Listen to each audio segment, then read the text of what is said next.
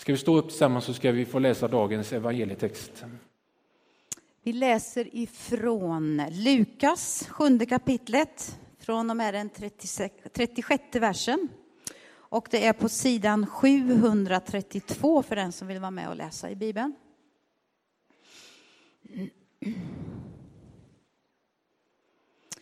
Jag läser till och med den eh, femtionde versen, eller kapitlet ut där. En av fariseerna bjöd hem honom på en måltid och han gick dit och tog plats vid bordet. Nu fanns det en kvinna i staden som var en synderska. När hon fick veta att han låg till bords i farisens hus kom hon dit med en flaska balsam och ställde sig bakom honom vid hans fötter och grät. Hon vette hans fötter med sina tårar och torkade dem med sitt hår och hon kysste hans fötter och smorde dem med sin balsam.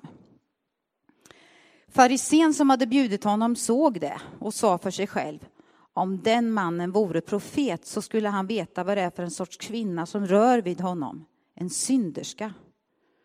Då sa Jesus till honom Simon, jag har något att säga till dig. Säg det, mästare, sa han. Två män stod i skuld hos en penningutlånare. Den ena var skyldig 500 dinarer, den andra 50. När de inte kunde betala efterskänkte han skulden för dem båda. Vilken av dem kommer att älska honom mest? Simon svarade, den som fick mest efterskänkt skulle jag tro. Du har rätt, sa Jesus. Och vänd mot kvinnan, sa han till Simon. Du ser den här kvinnan.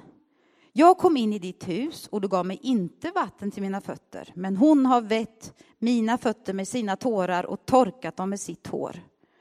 Du gav mig ingen välkomstkyss, men hon har kysst mina fötter hela tiden sedan jag kom hit. Du smorde inte mitt huvud med olja, men hon har smort mina fötter med balsam. Därför säger jag dig, hon har fått förlåtelse för sina många synder, ty hon har visat stor kärlek. Den som får litet förlåtet visar liten kärlek. Och han sa till henne, dina synder är förlåtna. De andra vid bordet sa då för sig själva, vem är han som till och med förlåter synder?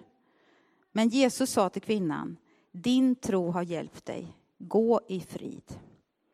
Så lyder det heliga evangeliet. Lovat vare Kristus. Ja, vänner, jag måste berätta för er att på senare tid så har jag börjat eh, säga till Eva när, jag, när vi ska gå och lägga oss. Tack för idag och förlåt. Och vissa dagar har jag känt mig tvungen att till och med säga förlåt gånger två. Och det känns så skönt att avsluta dagen i tacksamhet om en bön om förlåtelse. Men en dag sa jag till Eva, ska inte du säga förlåt du också? och inte bara tack. Och jag fick till svar, när det behövs hör jag av mig. Ja, vi människor är så olika.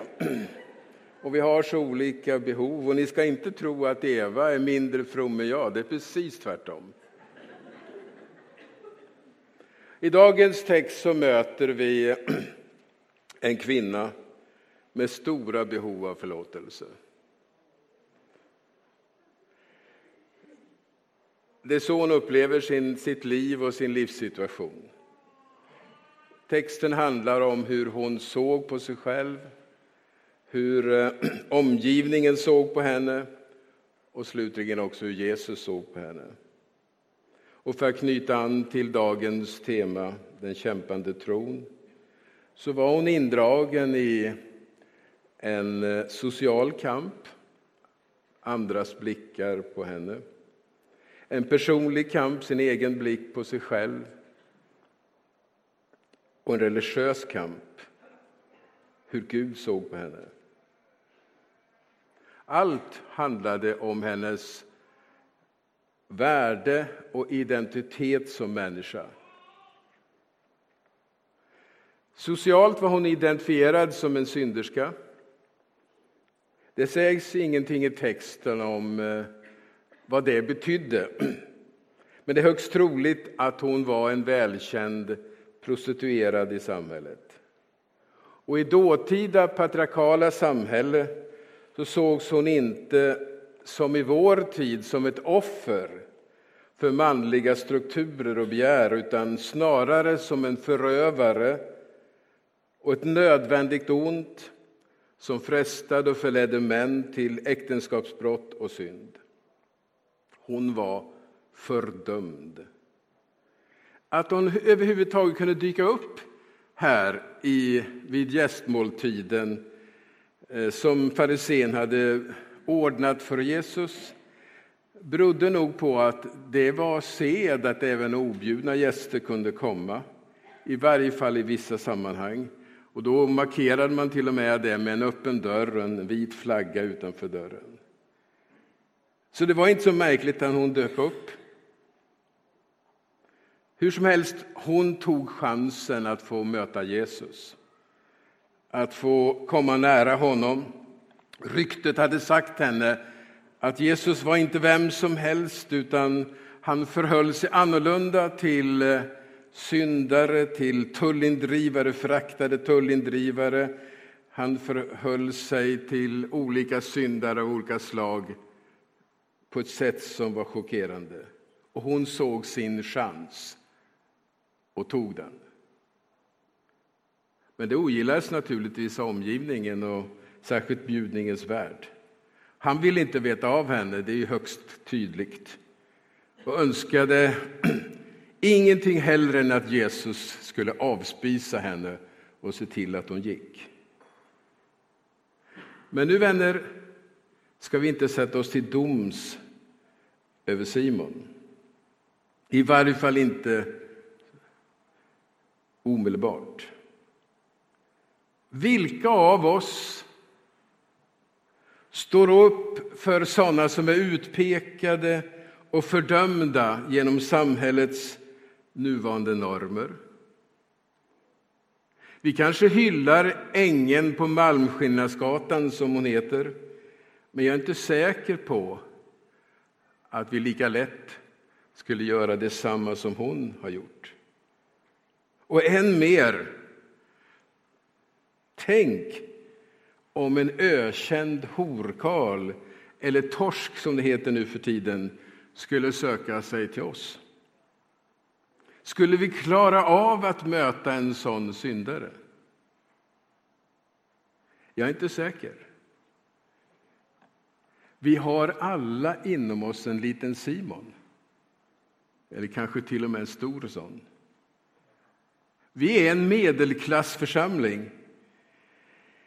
Och det är nog inte så lätt för vem som helst att ta sig in här och känna sig hemma och mottagen.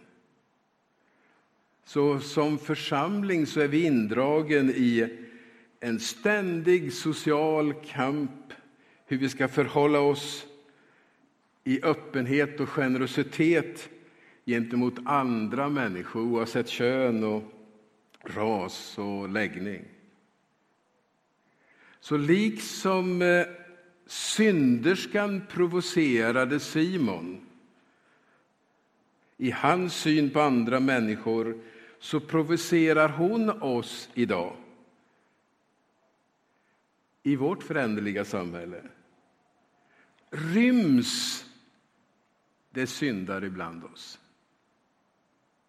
Eller bara fromma? Är vi en skyddad frizon för fromma? Eller en vårdcentral för dem som har drabbats av livet och brustna? Det finns en märklig fråga i den här texten. Jesus säger, det står så i grundtexten, Simon, ser du denna kvinna? Det är klart att han såg henne. Och ändå inte. Han såg henne inte som Jesus såg henne. Han såg inte hennes nöd. Han såg inte hennes behov. Han såg bara hennes yttre och hennes fördärv. Han såg inte hennes inre, ett yttre skal såg han och ett klandervärt beteende. Det var allt. Inget annat. Återigen, vi kan inte klandra honom. Vilka bryr vi oss om?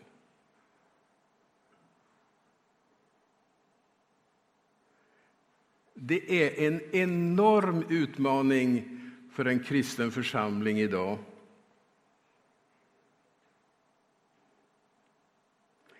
Att leva öppet och se varandra med våra smärtor och besvikelser och behov. Och upptäcka dem som upplever sig inte duga eller ha något värde. De finns ibland oss. Det gör faktiskt ont. Jag har känt det in i kroppen den här veckan. Det gör faktiskt ont att läsa den här berättelsen. Är jag en självgod farisé eller en generöst omtänksam människa som ser de allra minsta ibland oss? Jag måste få berätta för er, ifall det kan verka självupptaget, men jag måste berätta för er en smärtsam erfarenhet jag gjorde för ett antal år sedan som lärare. Det kom fram en ung student till mig efter en serie lektioner. Och jag kommer inte ihåg om det var en man eller kvinna, men jag tror att det faktiskt var en ung man. Och så spänner han ögonen i mig och så säger han rakt och ärligt. Lennart, du ser bara de lyckade.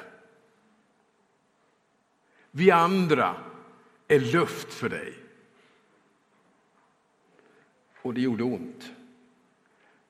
Och jag förstod ju att så upplevdes jag och så uppträdde jag.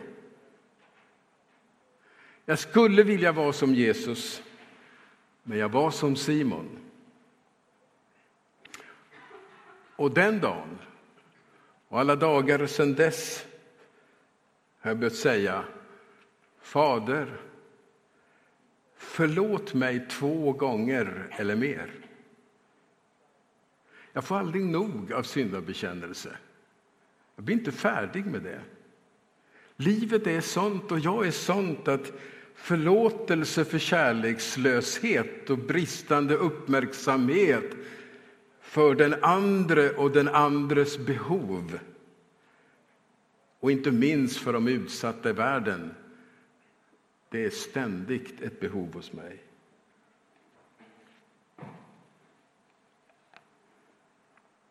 Återvänd till kvinnan. Kvinnan som mötte Jesus gjorde det på ett förmjukande och förnedrande vis faktiskt. Vi är så vana vid de här bibeltexterna att vi drabbas inte av det, men det är så dramatiskt. Flera av hennes handlingar uttryckte underlägsenhet och ovärdighet. Inte bara sorg och förtvivlan, det är inte bara tårar. Hon hukade sig ner bakom Jesu fötter som låg där till bords. Så att hennes strida ström av tårar rann ner för hans fötter. Hon släppte ut sitt hår, vilket också det var tecken på ovärdighet och torkade hans fötter med sitt hår.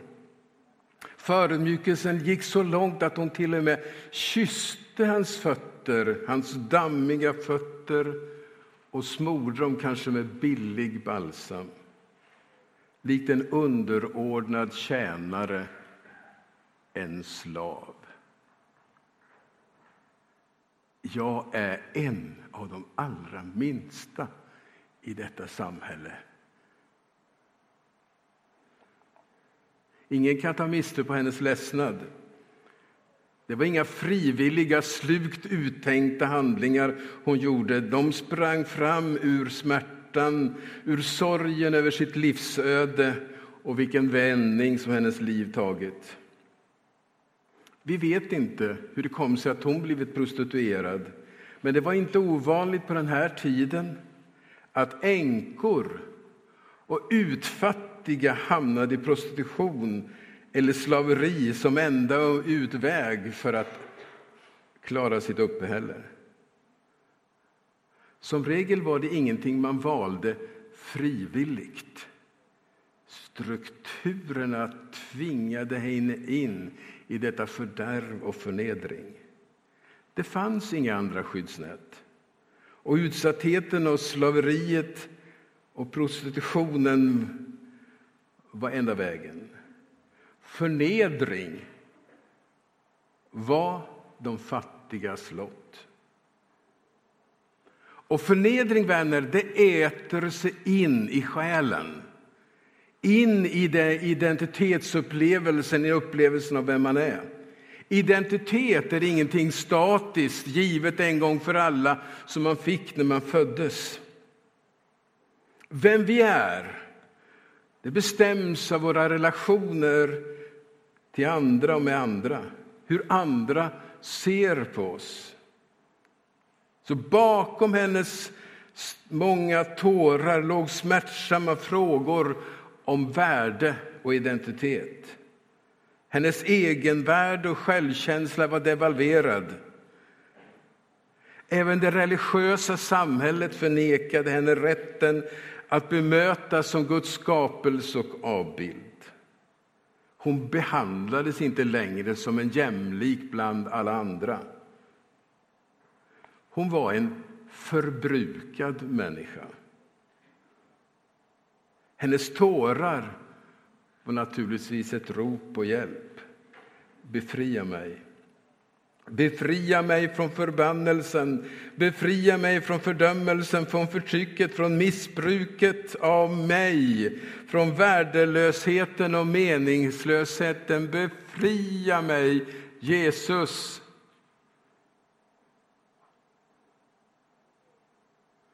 Och jag kan inte låta bli att tänka på ett av de stora samhällsproblemen idag. Det är just identitetsupplevelsen. Så hemskans många människor, inte minst unga, har svårt att hitta sitt värde och hitta sin plats i livet och känna att de duger och att någon ser dem och att det finns en mening med deras liv.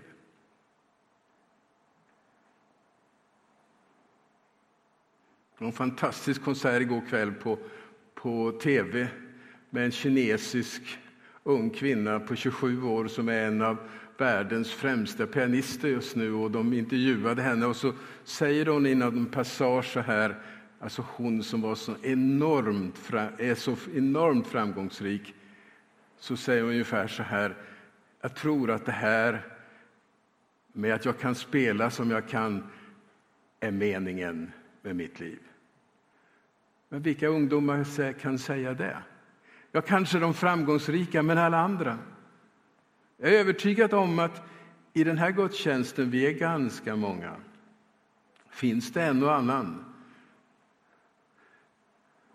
som likt kvinnan, inte för att synderna är lika hennes, utan för att uppväxten, samhället är som det är, brister i känslan av värde och identitet och mening och plats.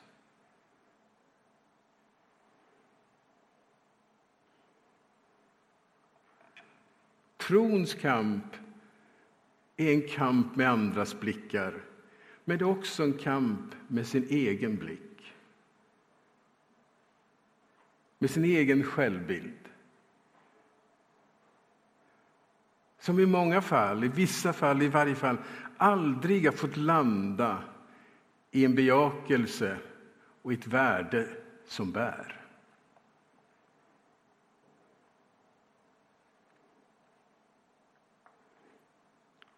Men jag tror också kvinnan hade en tredje slags kamp.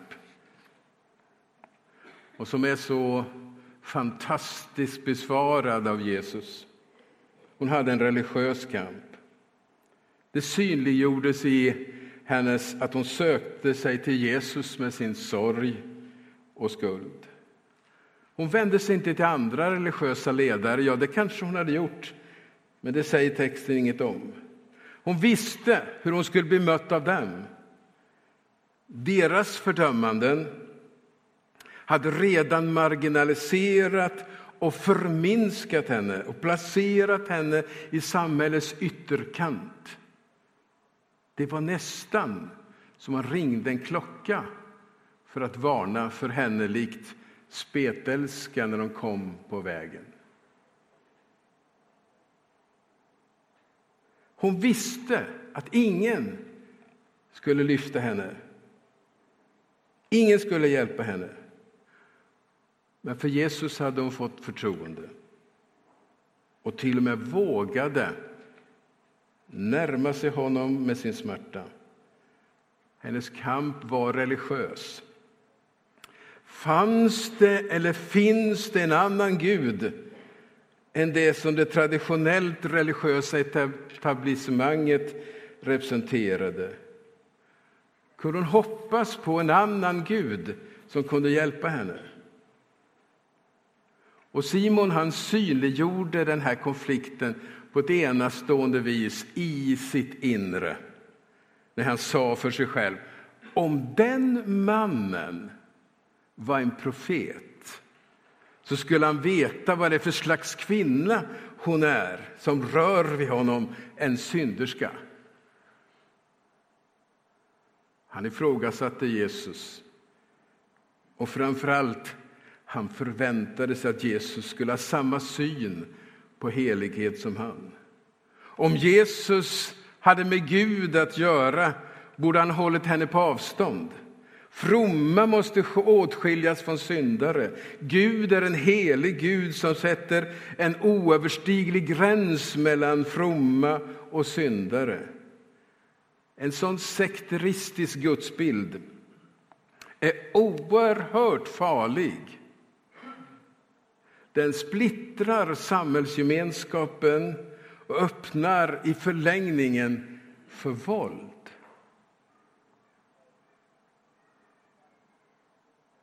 Men Jesus vägrade att ställa upp på denna bild av Gud och det heliga. Framför allt, och det är så fascinerande, framför allt så lyfter han upp den här kvinnan ur hennes förtvivlade situation på ett överraskande vis.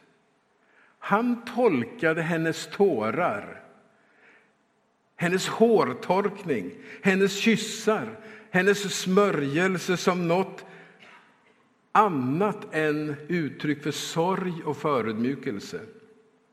Han tolkade hennes handlingar som gästfrihetshandlingar och gjorde henne faktiskt i sammankomstens värdinna och avsatte Simon som värd. Hon hade gjort det han borde ha gjort. Han lyfte upp henne och omvärderade hela hennes situation och hennes värde och ifrågasatte omgivningens värdering av henne och till och med hennes egen bedömning av sig själv. Han gjorde henne till något annat än synderska. Han tolkade hennes handlingar som kärleks och tacksamhetshandlingar.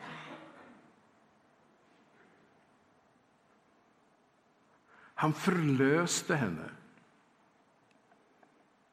till sådana handlingar när han som gudsman och profet gjorde det Simon inte tyckte att han skulle göra, nämligen lät henne röra vid sig i en ordlös förlåtelse. Det betyder inte ett kravlöst, kravlöst överslätande. Men det betydde en befriande skuldavskrivning.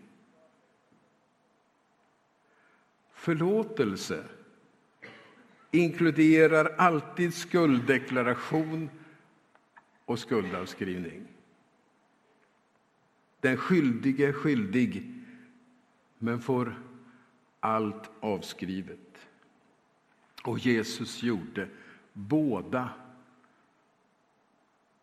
Båda tingen gjorde han. Han bemötte henne och framför allt genom sina uttryckliga ord. Dina synder är dig förlåtna. Det är ett enormt drama vi är indragna i den här söndagen.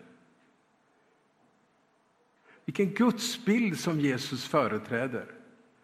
Vilken Gud träder inte fram ur den här texten? En Gud full av barmhärtighet, en gränslös kärlek, en Gud som lyfter, en Gud som inte lägger sten på börda, en Gud som inte stöter bort, inte förtrycker, inte lägger sten på börda, en Gud som bemöter syndare, inte med bortstötning och avvisning, utan en helig Gud som låter sig beröras av det oheliga. Helt enkelt en trofast och nåderik Gud som förlåter och avskriver skulder och som tar den kämpande tron på högsta allvar och befriar.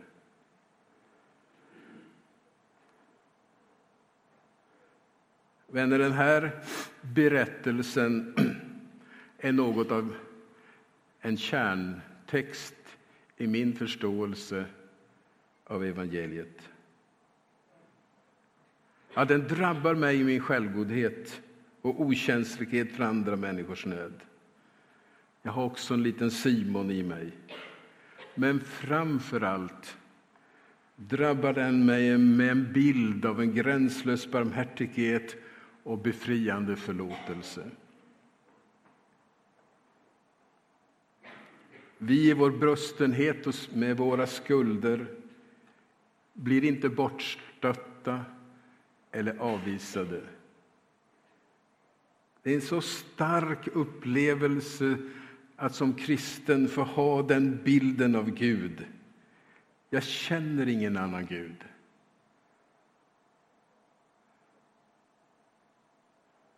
Som ger mig värde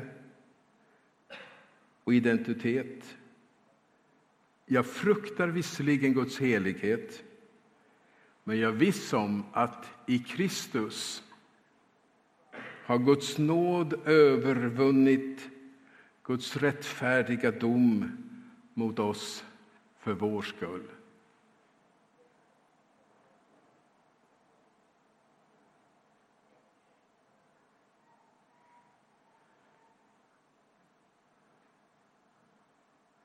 Jag sammanfattar. Hur